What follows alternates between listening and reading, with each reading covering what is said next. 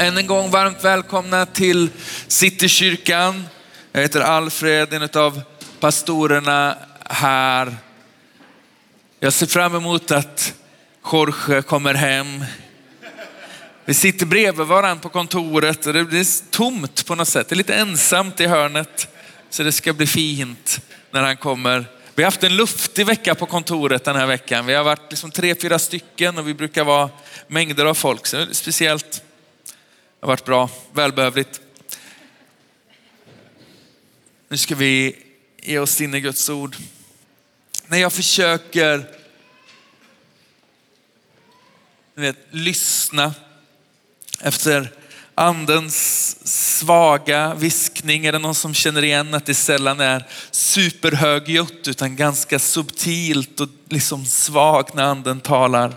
När jag försöker ana vart han leder oss, vad han för oss in i så, så landar mitt hjärta i några enkla ord som jag skulle vilja ta avstamp i idag. Gör rum för fler. Gör rum för fler. Jag tror att vi bjuds in i en säsong där Gud har förberett en skörd för oss. Jag tror att de närmaste åren kommer medföra nya gudstjänster, planterade församlingar, ett växande missionsarbete, ett större diakonalt avtryck i staden, ett, växande och dynamiskt arbete bland barn och unga. När jag försöker lyssna efter andens svaga viskning så är det jag tycker mig höra ett gör rum för fler. Kommer Janne med vatten också. Ibland tröttnar folk snabbt på mitt smackande. Det är de mest sårbara ögonblicken som predikant när någon kommer med vatten så säger man, jag behöver inte. Jo, jo. Min gamla pastor i Vargön, Ingmar, han smackade och folk kom med vatten och han fattade aldrig. Du sa Ingmar, du måste dricka vatten. Du låter som en öken när du talar. Gör rum för fler.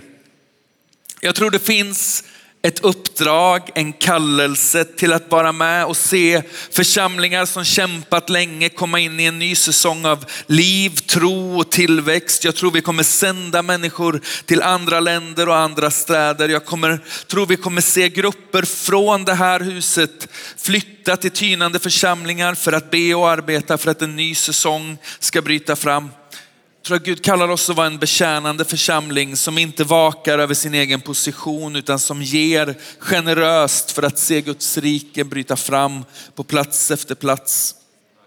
Och jag upplever hur Gud, och inte minst de senaste veckorna, och jag försökte be om ursäkt förra veckan fast att jag inte menar det egentligen. Men, eh, hur Gud bråkar med våran överlåtelse. Hur han justerar våra, våra motiv, hur han kallar oss närmre sig, hur han bjuder oss in i något som är större än oss själva. Jag upplever att det finns en inbjudan att längta efter mer. Att skifta något i bilden av oss själva.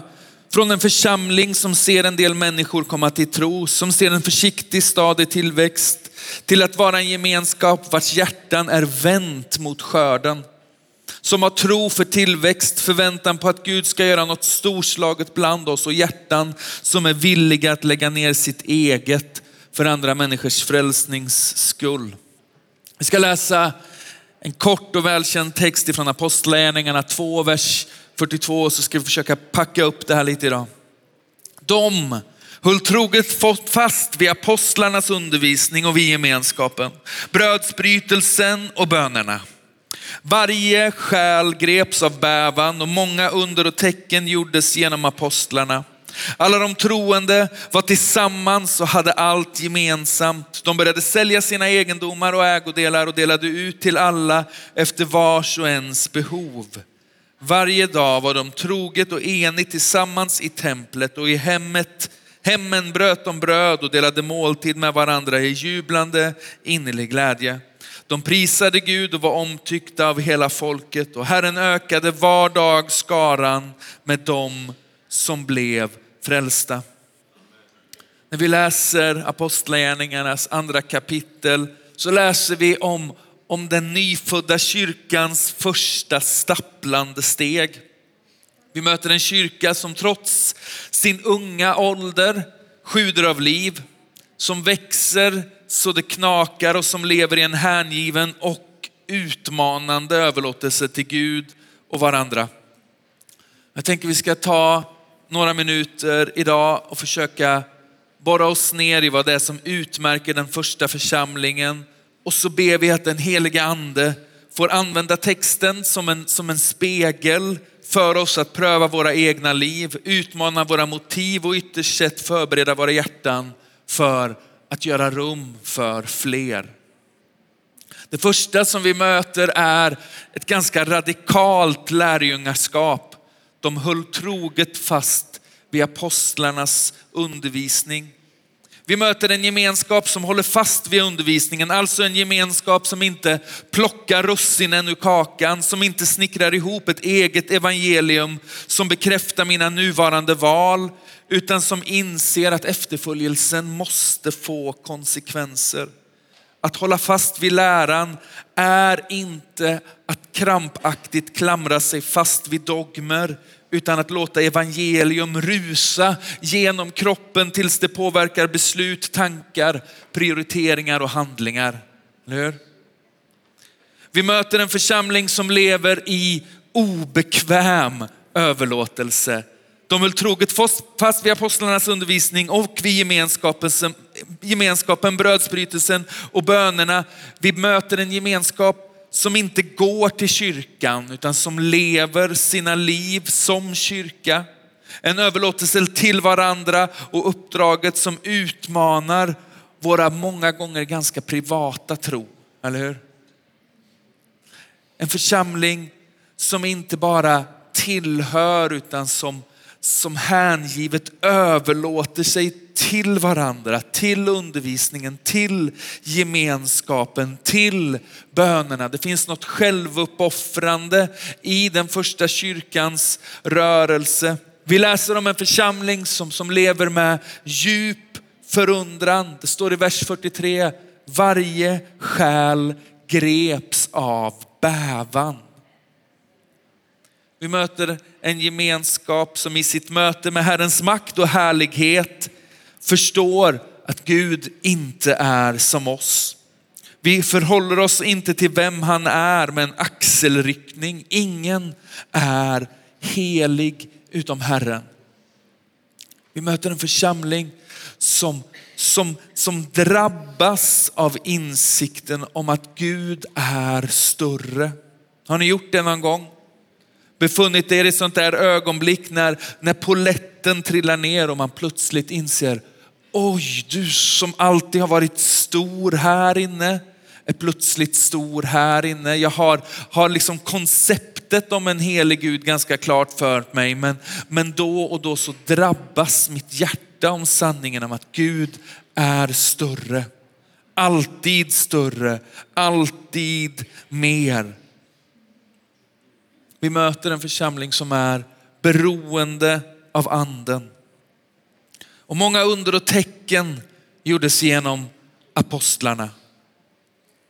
Vi möter en gemenskap som lever naturligt övernaturliga liv. Som inte reducerar tron till morallära eller vishetslära utan som lever i andens kraft åtföljda av under och tecken.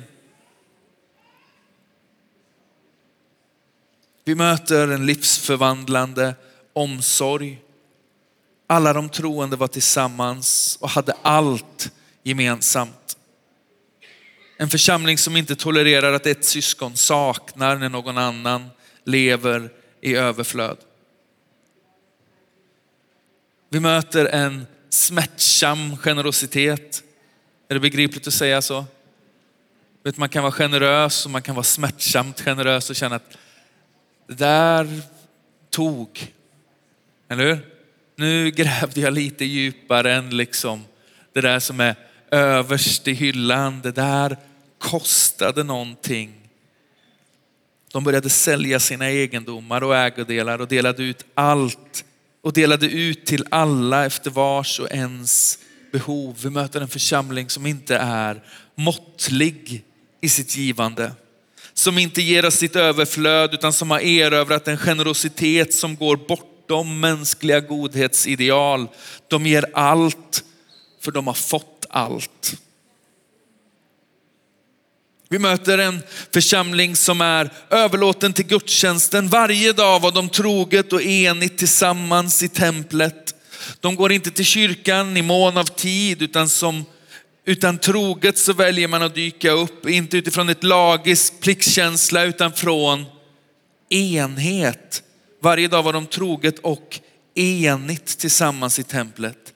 Hjärtan som längtar åt samma håll, närmre Jesus, närmre varandra, närmre andra. Vi möter mat och smittsam glädje. Det gör en del extra glada att det finns mat. Man blir glad varje gång det är mat i Bibeln, eller hur? Känns hoppfullt. I hemmen bröt de bröd och delade måltid med varandra i jublande innerlig glädje. Vi möter en församling som inte bara råkar stråla samman i samma kyrksal på söndagar. Det där är en lurig grej, eller hur? Om vi ska liksom titta på oss själva och på vår egen gemenskap, hur, hur, liksom, hur mycket vänner är vi och hur mycket går vi till samma kyrka? Det har blivit lite bättre sen vi började hälsa på varandra i början av gudstjänsten. Man möter lite fler människor än de som sitter till höger och vänster om en. Och en del känner att det där är ju det värsta som har hänt i Citykyrkans historia. Det kanske är just du som behöver det. En församling som kännetecknas av måltidens familjära vänskap, av festens bubblande glädje, där uppdragets allvar inte skapar allvarliga soldater utan en varm familj. Vi möter en församling som lever i passionerad tillbedjan. De prisade Gud. Vi möter en församling rotad i lovsång och tillbedjan.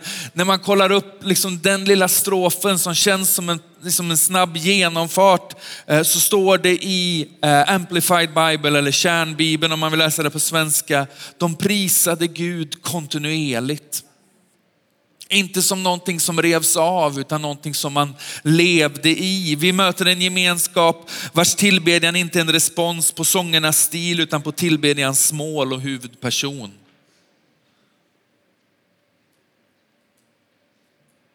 Och de var omtyckta av hela folket. Vi möter en församling som skulle saknas om den försvann. Det där tycker jag är en ganska utmanande tanke, liksom en utmanande idé. Skulle vi saknas om vi försvann? Vi skulle sakna det. Men skulle Stockholm sakna oss om vi försvann? Jag vet inte, en del av Pekkas vänner skulle sakna oss. Eller hur? Café Liv, liksom de som kommer och får något att äta. Men i övrigt skulle de sakna oss om vi försvann.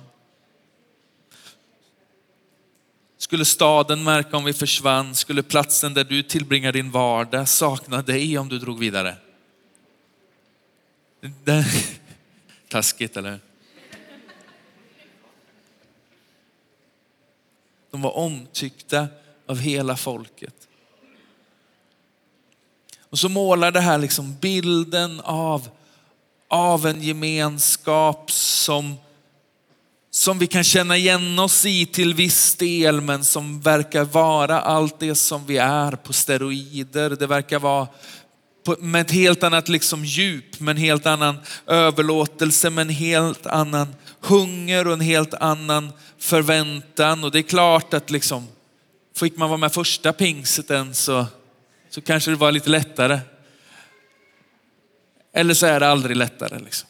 Eller så är det aldrig så att det är smidigare för någon annan människa någon annanstans att välja att följa Jesus. Utan det där är någonting som bara kostar på, ett kors som ska bäras och en resa som ska påbörjas. Och när allt det där andra är uppmålat, när allt det där andra är sagt, så läser vi och Herren ökade var dag skaran med dem som blev frälsta. Här behöver kyrkan vara lite försiktig. Det här är anledningen till att jag aldrig har vatten för övrigt. Finns det vatten så dricker jag vatten. Det, jag vet inte vad det är. Kanske att det är gott.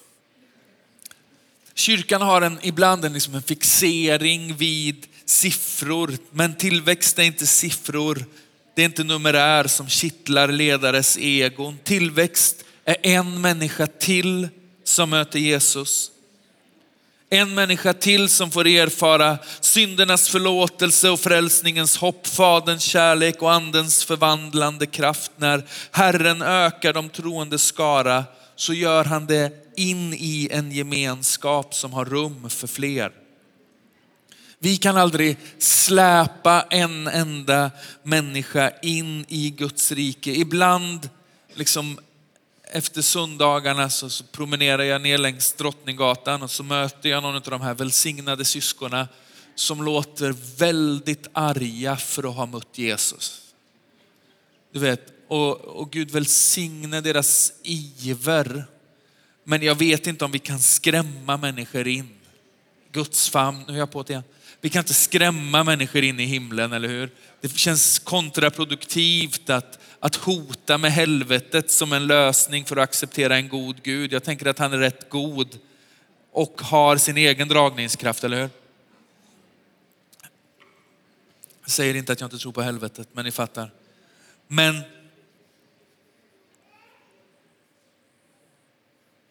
Men vi kan aldrig släpa människor in i en övertygelse om någonting. Vi kan aldrig med liksom intellektuella resonemang få någon att tro. Tron är en gåva, men vi kan överlåtas till att bli en gemenskap där de som Fadern drar i hittar ett hem.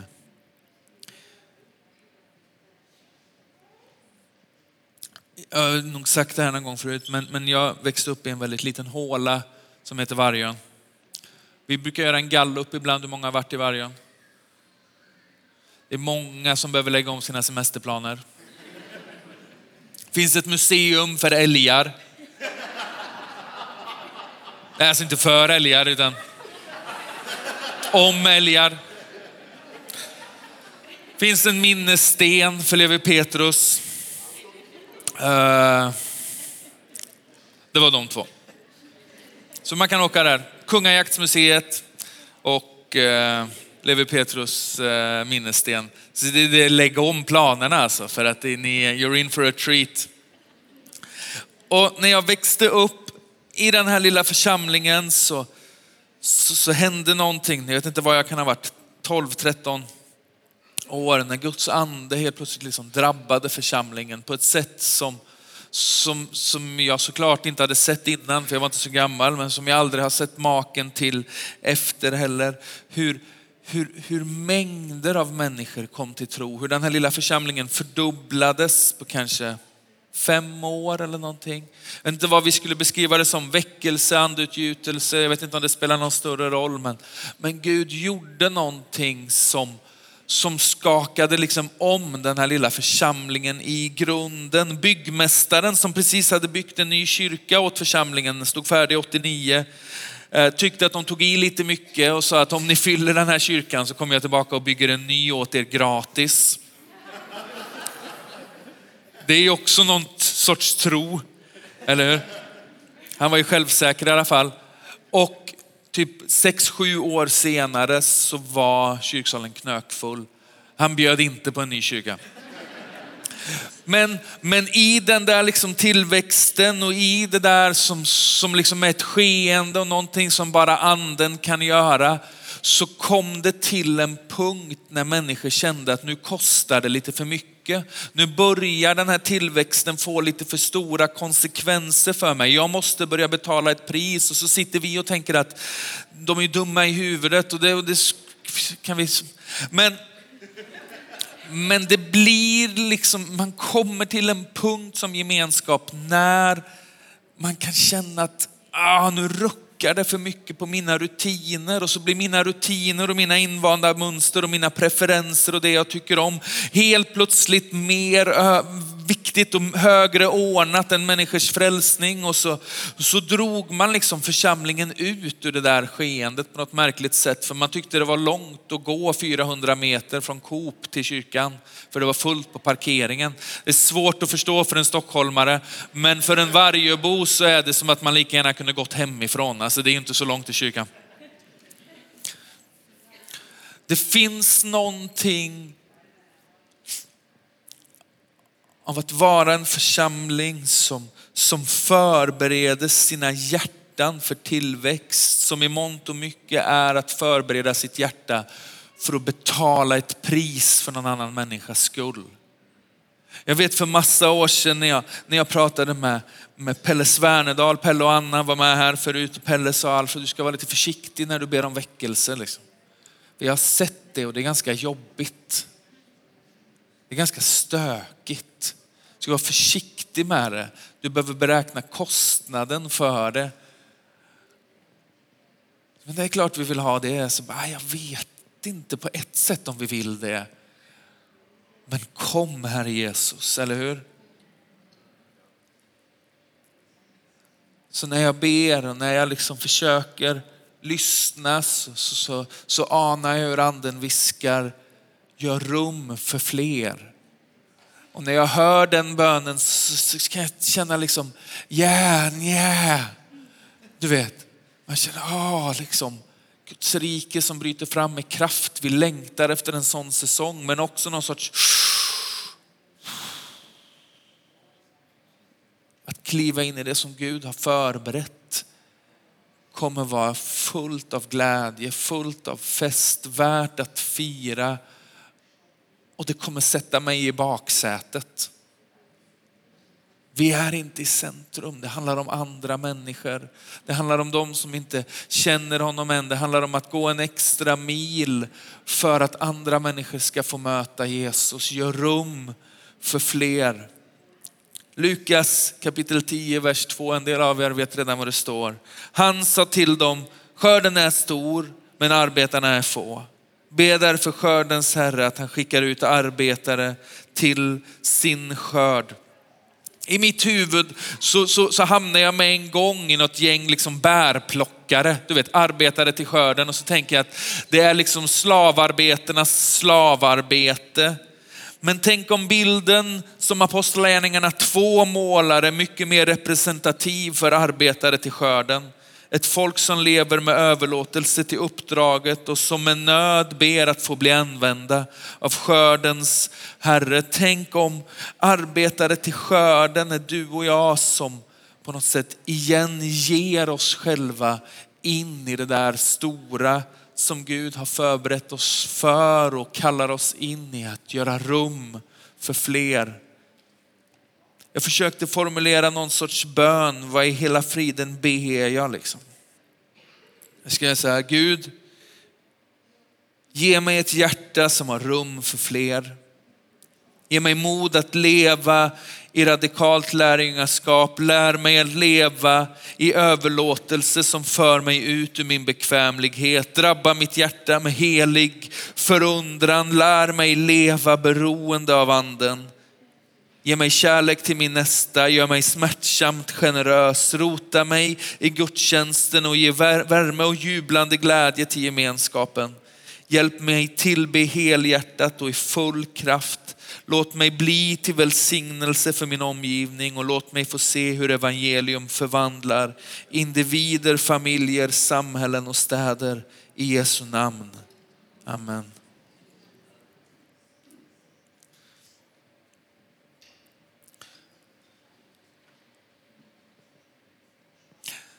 Jag tror att det luriga är att när, när, när Herren kallar så tänker vi ibland att, att vi väljer mellan bra och dåligt. Men ibland så kanske vi snarare väljer mellan bra och bäst. Det, är det här liksom kommer puttra på och vi kommer känna att det är alldeles fantastiskt. Och du vet vilken tillbedjan, vilken gemenskap och vilken församling. Och så är det gott så, det är gott nog så. Människor kommer bli frälsta och vi kommer se saker och ting ske. Men jag tror också att det finns en inbjudan till någonting som är större. Någonting som, som, som vi inte kan kontrollera eller äga, men som vi kan bli landningsyta för och, och, och bärare av. Men det kräver att vi förbereder våra hjärtan för att ge rum för fler.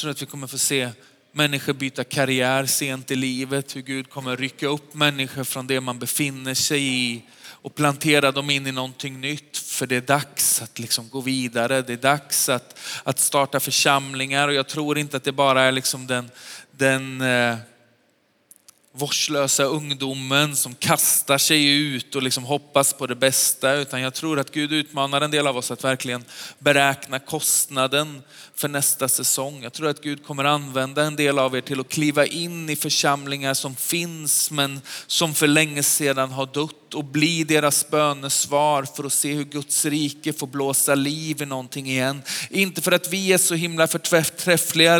Det senaste året har verkligen lärt oss att vi, vi har våra utmaningar, eller hur? Men för att Gud i sin godhet och i sin nåd ändå väljer att verka i oss, bland oss och genom oss.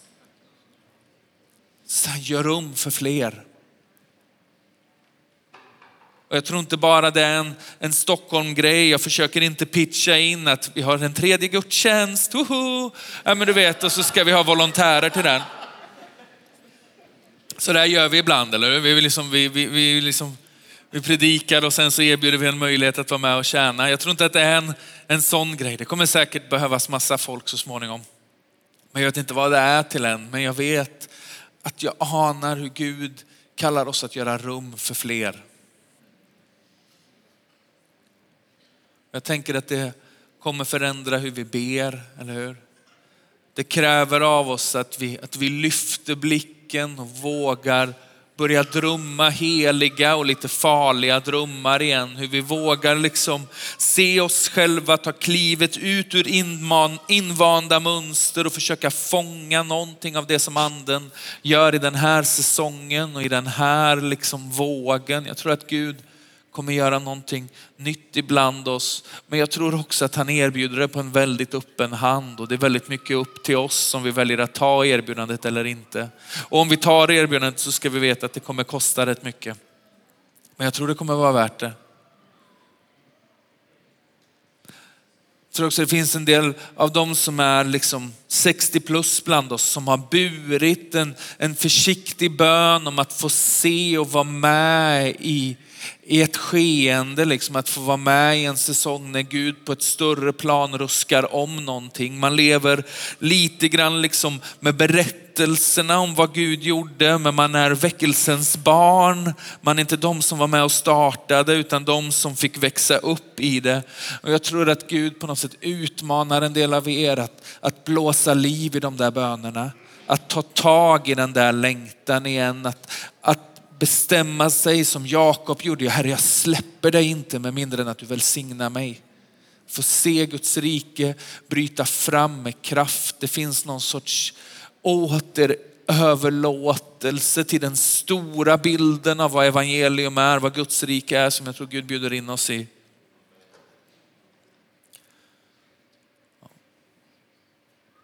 Det blir inte superlinjärt när jag predikar så här, men jag tror ni fattar. Gör rum för fler. Jag vet inte vad det betyder för dig, jag vet inte hur det ser ut där, där du lever ditt liv just nu. Men det finns ett skifte att göra där, där det inte längre handlar om, om mig och vad jag kan få ut av det här, utan där jag lyfter blicken och fäster, dem, fäster den på dem som inte känner honom än. Och så ställer jag mig frågan, hur kan jag hjälpa dem närmare honom? Hur kan jag få bli en kontaktyta mellan, mellan, mellan himmelens Gud och de som inte känner honom än? Hur kan jag få bli någon som hjälper människor in i gemenskap, inte bara med Jesus utan in i gemenskap med hans kropp, med hans församling. Gör rum för fler. Att du skulle drabba våra hjärtan med, med nöden att få se ditt rike bryta fram med kraft en gång till. Herre, jag ber att du skulle göra oss på gränsen till odrägligt, liksom förväntansfulla och nästan rastlösa i att få se det ske. Herre, jag ber att du skulle andas liv i i kallelser som har släppts till marken, stavar som har lagts ner, mantlar som har kastats av, drömmar som har fått dö. Herre, jag ber att du i den här säsongen skulle blåsa liv i det igen.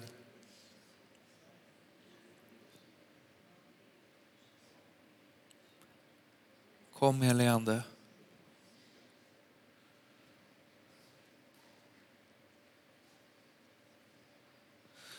Tror bara vi ska vara stilla en liten stund. Lovsångstimmet kan få göra sig i ordning, men vi ska bara vara stilla en liten stund. Jag tror att Gud kommer börja bråka med en del människors hjärtan, liksom hur han börjar dra i dig. Mitt råd är att bara åka med. Att inte kämpa emot, att låta honom fånga dig igen. Jag tänker att vi har lagt några veckor på det där med att beräkna kostnaden, att, att stöka med överlåtelsen. Jag tror att Gud igen säger det är dags, du behöver göra rum för fler. Så vi kan bara vänta en stund tillsammans. Kom helige Ande. Kom helige Ande. Jag tror att en del av er känner att ni behöver böja knä som ett liksom yttre tecken på en inre kapitulation. Håll inte emot i så fall.